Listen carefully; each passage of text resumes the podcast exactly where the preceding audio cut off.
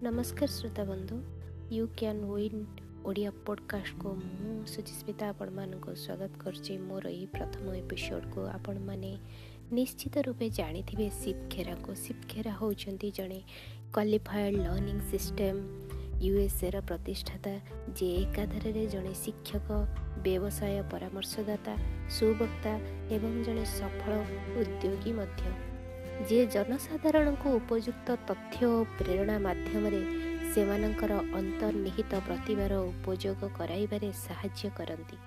ତାଙ୍କର ବାଣୀ ଆଜି ଆମେରିକାରୁ ସିଙ୍ଗାପୁର ଏବଂ ଭାରତ ଏମିତି ସମଗ୍ର ବିଶ୍ୱରେ ପ୍ରସାରିତ। ସାଧାରଣ ଜ୍ଞାନକୁ ବ୍ୟବହାର କରି ଗଭୀର ବିଶ୍ୱାସର ସହ କାର୍ଯ୍ୟ କରି ଚାଲିବା ପାଇଁ ତାଙ୍କର ପ୍ରେରଣା ଅଗଣିତ ଜନସାଧାରଣଙ୍କୁ ସେମାନଙ୍କ ମନୋବୃତ୍ତିର ପୁନର୍ମୂଲ୍ୟାୟନ କରିବାକୁ ପ୍ରେରିତ କରିପାରିଛି। ତାଙ୍କର ଗୋଟିଏ ବର୍ଷର ଗବେଷଣା ଅନୁଭୂତି ଏବଂ ଅଭିଜ୍ଞତା ଲୋକମାନଙ୍କ ଜୀବନର ଅଭିବୃଦ୍ଧି ଏବଂ ପରିପୂର୍ଣ୍ଣତା ହାସଲ ପାଇଁ ସାହାଯ୍ୟ କରିପାରିଛି।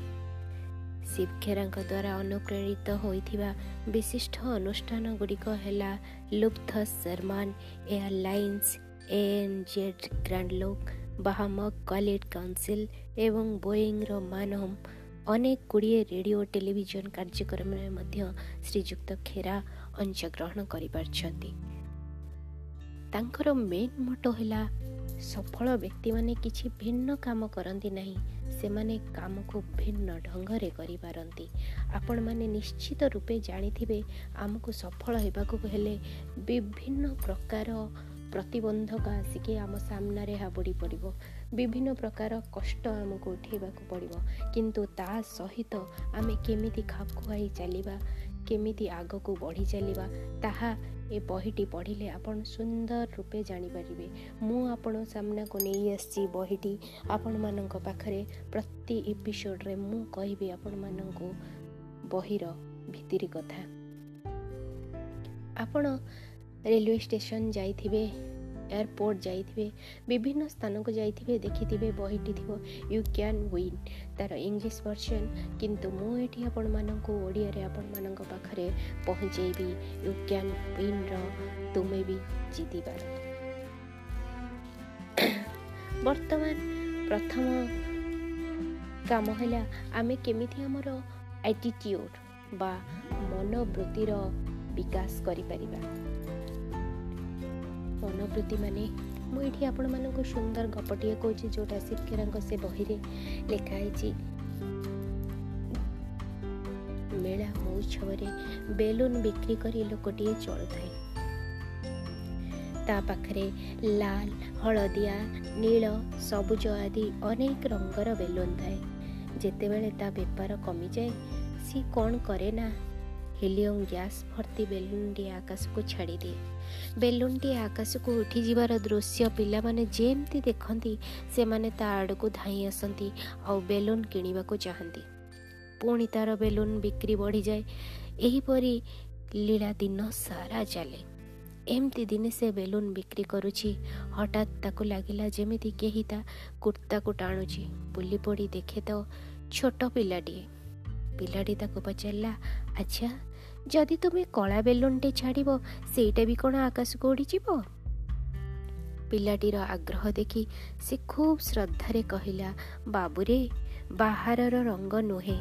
ତା ଭିତରେ ଯାହା ସବୁ ଅଛି ତାରି ଯୋଗୁଁ ବେଲୁନଟି ଆକାଶକୁ ଉଠି ଯାଉଛି ବେଲୁନଟି ପାଇଁ ଯାହା ଆମମାନଙ୍କ ଜୀବନଟି ବି ଠିକ୍ ସେଇଆ। ଆମ ଭିତରର ସାମର୍ଥ୍ୟ ହିଁ ଆମମାନଙ୍କୁ ଉପରକୁ ଉଠାଇଥାଏ। ସେଇ ସାମର୍ଥ୍ୟ ହେଉଛି ଆମର ମନୋବୃତ୍ତି। କିଛି ଲୋକ କୌଣସି ସଂସ୍ଥା ବା ଦେଶ ଅନ୍ୟମାନଙ୍କ ତୁଳନାରେ କାହିଁକି ଅଧିକ ସଫଳ ସେ ବିଷୟରେ ଆପଣ କେବେ ଚିନ୍ତା କରିଛନ୍ତି କି? ସେମାନଙ୍କର ସଫଳତା ପଛରେ ଏମିତି କିଛି ଗୋପନ ରହସ୍ୟ ନାହିଁ। ଅସଲ କଥା ହେଲା ସଫଳ ଲୋକମାନଙ୍କ ଚିନ୍ତାଧାରା ଓ କାର୍ଯ୍ୟଗୁଡ଼ିକ ଅଧିକ ଫଳପ୍ରଦ। ମଣିଷମାନେ ଯେ ସବୁଠାରୁ ଗୁରୁତ୍ୱପୂର୍ଣ୍ଣ ମୂଳଧନ ଏ ସରଳ ସତ୍ୟଟି ପ୍ରତି ସେମାନେ ସଚେତନ ରହିଥାନ୍ତି ଏବଂ ମଣିଷମାନଙ୍କ ଉପରେ ଆସ୍ଥା ରଖି ସେମାନେ କାମ କରିଯାଆନ୍ତି। କୌଣସି ବ୍ୟକ୍ତି ସଂସ୍ଥା ବା ଦେଶର ସଫଳତା ଲୋକ ଚରିତ୍ର ଉପରେ ସତତ ନିର୍ଭରଶୀଳ ବୋଲି ମୁଁ ବିଶ୍ୱାସ କରେ। ପୃଥିବୀର ବହୁ ବଡ଼ ବଡ଼ ବ୍ୟବସାୟିକ ସଂଗଠନର କର୍ମକର୍ତ୍ତା ସହ କଥାବାର୍ତ୍ତା ବେଳେ ମୁଁ ସେମାନଙ୍କୁ ଗୋଟିଏ ପ୍ରଶ୍ନ ପଚାରିଥାଏ ଯଦି ଆପଣଙ୍କ ପାଖରେ କାଉଁରୀ କାଠିଟିଏ ଥାଆନ୍ତା ଏବଂ ଅଧିକ ଉତ୍ପାଦନ ଓ ଲାଭ ଦ୍ୱାରା ଆପଣଙ୍କ ବ୍ୟବସାୟର ଉନ୍ନତି ପାଇଁ ଆବଶ୍ୟକ କିଛି ଗୋଟିଏ ପରିବର୍ତ୍ତନ ଆଣିବାର ସାମର୍ଥ୍ୟ ସେ କୁହୁକ କାଠିଟିରେ ଥାଆନ୍ତା ତେବେ ଆପଣ କି ପରିବର୍ତ୍ତନ କରନ୍ତେ? ସମସ୍ତେ ଗୋଟିଏ ମାତ୍ର ଉତ୍ତର ଦିଅନ୍ତି। ସେମାନେ କହନ୍ତି ଯଦି ଲୋକମାନଙ୍କର ମନୋଭାବରେ ପରିବର୍ତ୍ତନ ହୁଅନ୍ତା ତେବେ ସମସ୍ତେ ଭଲରେ ମିଶି କାମ କରିପାରନ୍ତେ। ଏବଂ ତା ଫଳରେ ଯଦି କ୍ଷତିର ପରିମାଣ କମିଯାଆନ୍ତା କର୍ମଚାରୀମାନେ ଅଧିକ ବିଶ୍ୱସ୍ତ ହୁଅନ୍ତେ ଓ ଅନୁଷ୍ଠାନଟିର କାମ କରିବାର ପରିବେଶ ଆହୁରି ଅନୁକୂଳ ହୋଇପାରନ୍ତା। ହବର୍ଡ ବିଶ୍ୱବିଦ୍ୟାଳୟର ୱିଲିୟମ ଜେମ୍ସ ଏକଦା କହିଥିଲେ ଯେ ଆମ ବିଦ୍ୟାଳୟର ଆବିଷ୍କୃତ ସବୁଠାରୁ ବଡ଼ ତଥ୍ୟ ହେଲା ମଣିଷମାନେ ସେମାନଙ୍କର ମନୋବୃତ୍ତି ବଦଳାଇ ପାରିଲେ ସେମାନେ ନିଜ ଜୀବନରେ ମଧ୍ୟ ପରିବର୍ତ୍ତନ ଆଣିପାରିବେ। ଯେକୌଣସି ବ୍ୟବସାୟ ପାଇଁ ମାନବ ସମ୍ବଳ ହିଁ ସବୁଠାରୁ ବଡ଼ ମୂଳଧନ। ଏକଥା ଅନୁଭୂତି ସିଦ୍ଧ। ଆର୍ଥିକ ପୁଞ୍ଜି ବା ଯାନ୍ତ୍ରିକ ଉପକରଣ ଅପେକ୍ଷା ମାନବ ସମ୍ବଳ ଆହୁରି ମୂଲ୍ୟବାନ।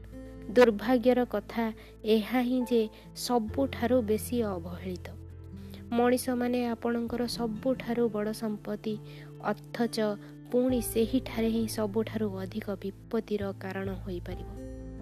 ଆପଣମାନଙ୍କୁ ଏହି ଏପିସୋଡ଼ଟି କେମିତି ଲାଗିଲା ମୋତେ ନିଶ୍ଚିନ୍ତ ଜଣାଇବେ ଏବଂ ଆଜି ପାଇଁ ଏତିକି।